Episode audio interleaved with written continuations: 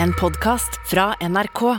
De nyeste episodene hører du først i appen NRK Radio. Kanskje er du en av de som mener at eh, Arbeiderpartiet og Høyre de kunne jo like gjerne samarbeida. De er enige i mange store saker. Forskjellene er ikke egentlig så store. Jeg hadde lyst til å lære meg litt mer om eh, hva som var den siste politiske utviklinga i Bergen, der det har blitt en budsjettavtale med det Ap-leia byrådet sammen med Høyre. Hva var det som skjedde der? Og så kom jo denne nye regjeringa i Danmark, som er rød og blå på en gang. Her er det vel noen paralleller vi kan dra, som blir et politisk kvarter.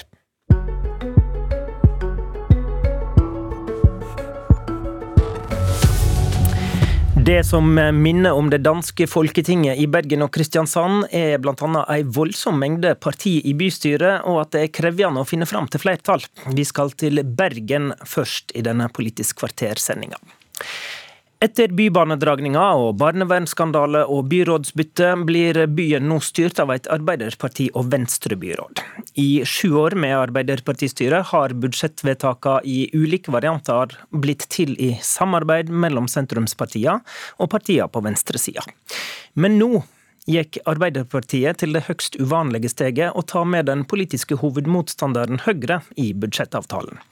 Det har skapt reaksjoner på venstresida. Mikkel Gryner, du er gruppeleder for SV i Bergen bystyre. God morgen. God morgen, god morgen. Hva er det du reagerer slik på? Altså det, for det første det politiske innhold i en uh, budsjettavtale som ikke svarer på uh, utfordringene byen har. Uh, som ikke prisjusterer sosialhjelpssatsene, og som ikke legger inn nok midler til å styrke det kommunale barnevern.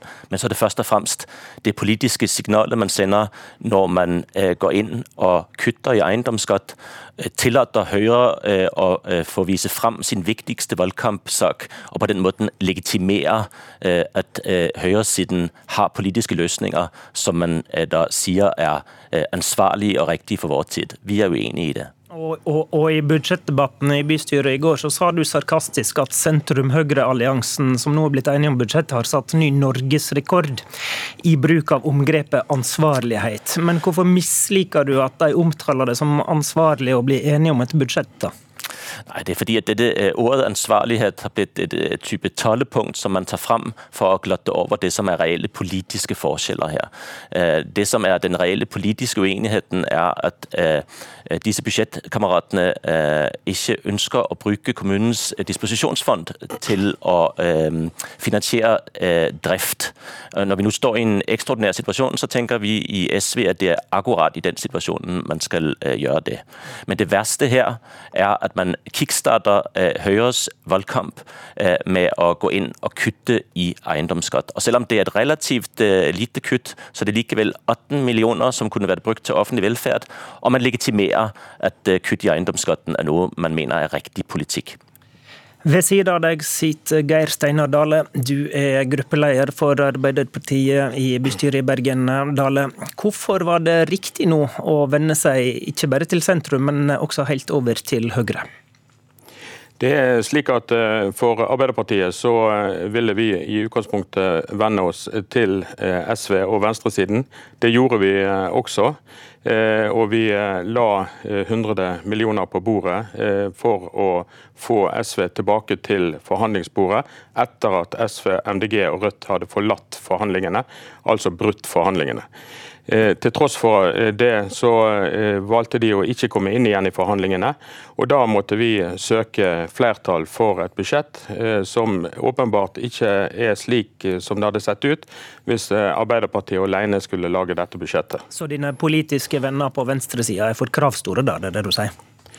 Det var i hvert fall slik at selv om vi la 100 millioner på bordet, som det gikk an å forhandle på, nettopp på de politiske felt som Mikkel Gryner etterlyser, så valgte de å ikke ville forhandle med oss. Vi, de brøt forhandlingene før vi var begynt reelle forhandlinger. Er det noen saker som er blitt bedre, mener du, av det samarbeidet du, du nå inngikk med sentrum og Høyre, enn hvis du hadde samarbeida med venstresida?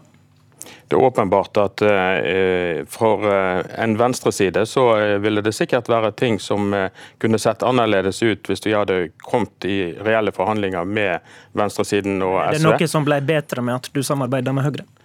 Vi, det er ikke noe som er blitt bedre. Vi ser at vi har fått en vi, vi, ser at vi har fått en avtale som eh, eh sikrer eh, sosialhjelpsmottakere. Vi ser at vi har fått eh, økt eh, midler til aktivitetskort for eh, barnefamilier de som kommer vanskeligst ut i den situasjonen som er nå, eh, det var viktig for oss å få med i den avtalen som ble. Og Det er en, en viktig ting for oss. Det høres jo ut Gryner, som du er hans førstevalg, men hvis du stiller for harde krav, så kan han vel ikke forplikte seg til å prøve igjen og igjen?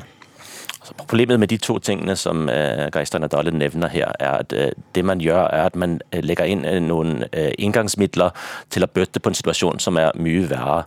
de midlene som man da legger inn til barnefamilier her, de er spist opp av prisvekst. Det er derfor vi må prisjustere sosialhjelpssatsene. De to tingene jeg nevner her, prisjustere sosialhjelpssatsene og satse på bemanning i barnevernet, de har det alene spist opp det som reelt sett var den varige økningen Arbeiderpartiet la på bordet som var i underkant av 30 millioner kroner. Øh, og I et øh, budsjett av Bergen kommunes størrelse, så er det øh, små penger.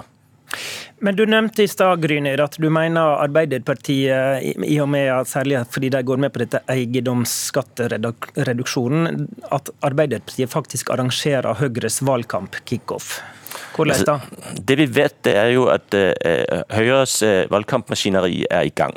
De er ute og gjør meningsmålinger blant folk. De er ute og finner ut hva som skal være kampsaken i valgkampen. Og de har allerede lansert alle toppkandidatene sine i de store byene med løfter om kutt i eiendomsskatten. Så har de det problemet her lokalt hos oss i Bergen at deres toppkandidat ikke er en aktiv aktør i bergenspolitikken, og de har hatt vanskelig ved å synliggjøre sin politikk og få sin kandidat på. Men, det hjelper nå Arbeiderpartiet med. Ja, fokus, ja, nettopp. Det vil jeg be deg fokusere på Arbeiderpartiet her, som tross alt sitter i debatten. Og Dale, hvordan blir det for Arbeiderpartiet å argumentere eh, hardt mot Høyres løsninger i valgkampen, etter at du har gått med på flere punkter av deres politikk? Det at vi har inngått en avtale med de om budsjettet for 23 betyr ikke at vi eh, har eh, gått til sengs med Høyre. Vi eh, er klare til å drive en valgkamp for Arbeiderpartipolitikk, for venstresidepolitikk. Og vi vil møte Høyre på vanlig måte med tanke på det. Allerede i går i bystyret så kom det en sak til behandling etter at budsjettet var landet, som handlet om, eh, om eh, kjøp av private tjenester til eh, helsetjenester. Der viste vi allerede de store skillelinjene som faktisk er mellom Høyre og Arbeiderpartiet. Og debatten var som forventet ganske knallhard mellom de to partiene. Men, men Har ikke du også bevist for velgerne at det er vrient for venstresida å samarbeide nå, da? Det eh, håper jeg jo at vi som sitter ved dette bordet og venstresiden i Bergen eh, faktisk er i stand til å sette oss ned rundt et bord og bli enige om hvordan vi skal sikre venstresiden i eh, fremtidige valg. Det gjør vi ikke ved å hakke på hverandre, men det gjør vi ved å samhandle.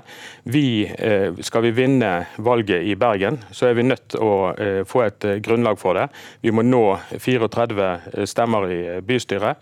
Eh, det hjelper ikke at eh, SV til stadighet går til angrep på Arbeiderpartiet, men vi må i fellesskap vise hvordan vi skal vinne bergensernes gunst eh, ved at folk stemmer på venstresiden. Hva har det som har skjedd å si for din samarbeidsvilje, da, Gryner?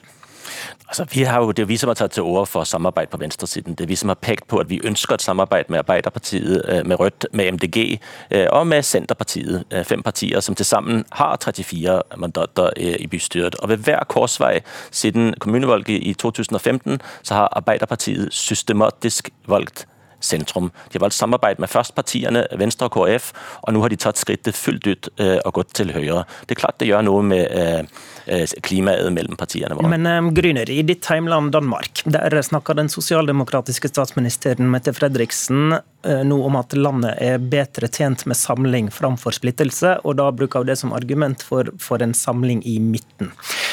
Er det ingenting i det resonnementet du kan være enig i? Altså det vi ser i Danmark, det er jo nettopp at det første øh, denne øh, nye øh, blå-røde regjeringen går ut og gjør, det er å kutte i toppskatten og altså gjøre de rike rikere. og Det er jo det som skjer når venstresiden går inn på, eller venstre, sentrum-venstre går inn på premissene til høyresiden. Det er at man er ute på en, en drift mot høyrepolitikk. Men, men bredt samarbeid er lurt i krisetid, er jo poenget. Ja, altså Jeg kan sagtens se for meg en situasjon der de to største partiene er nødt til å samarbeide i nasjonens interesse, men da snakker vi om alvorligere kriser enn det vi står i nå. Dale, er det et poeng at, at, at den type samarbeid som du har inngått nå, kanskje bør være forbeholdt mer anstrengte situasjoner da, enn en, en, en den du står i nå? Jeg går ut ifra at alle har fått med seg at vi står, er i en dyrtid. Vi har eh, gjennomlevd en eh, pandemi eh, med delvis nedstenging av landet.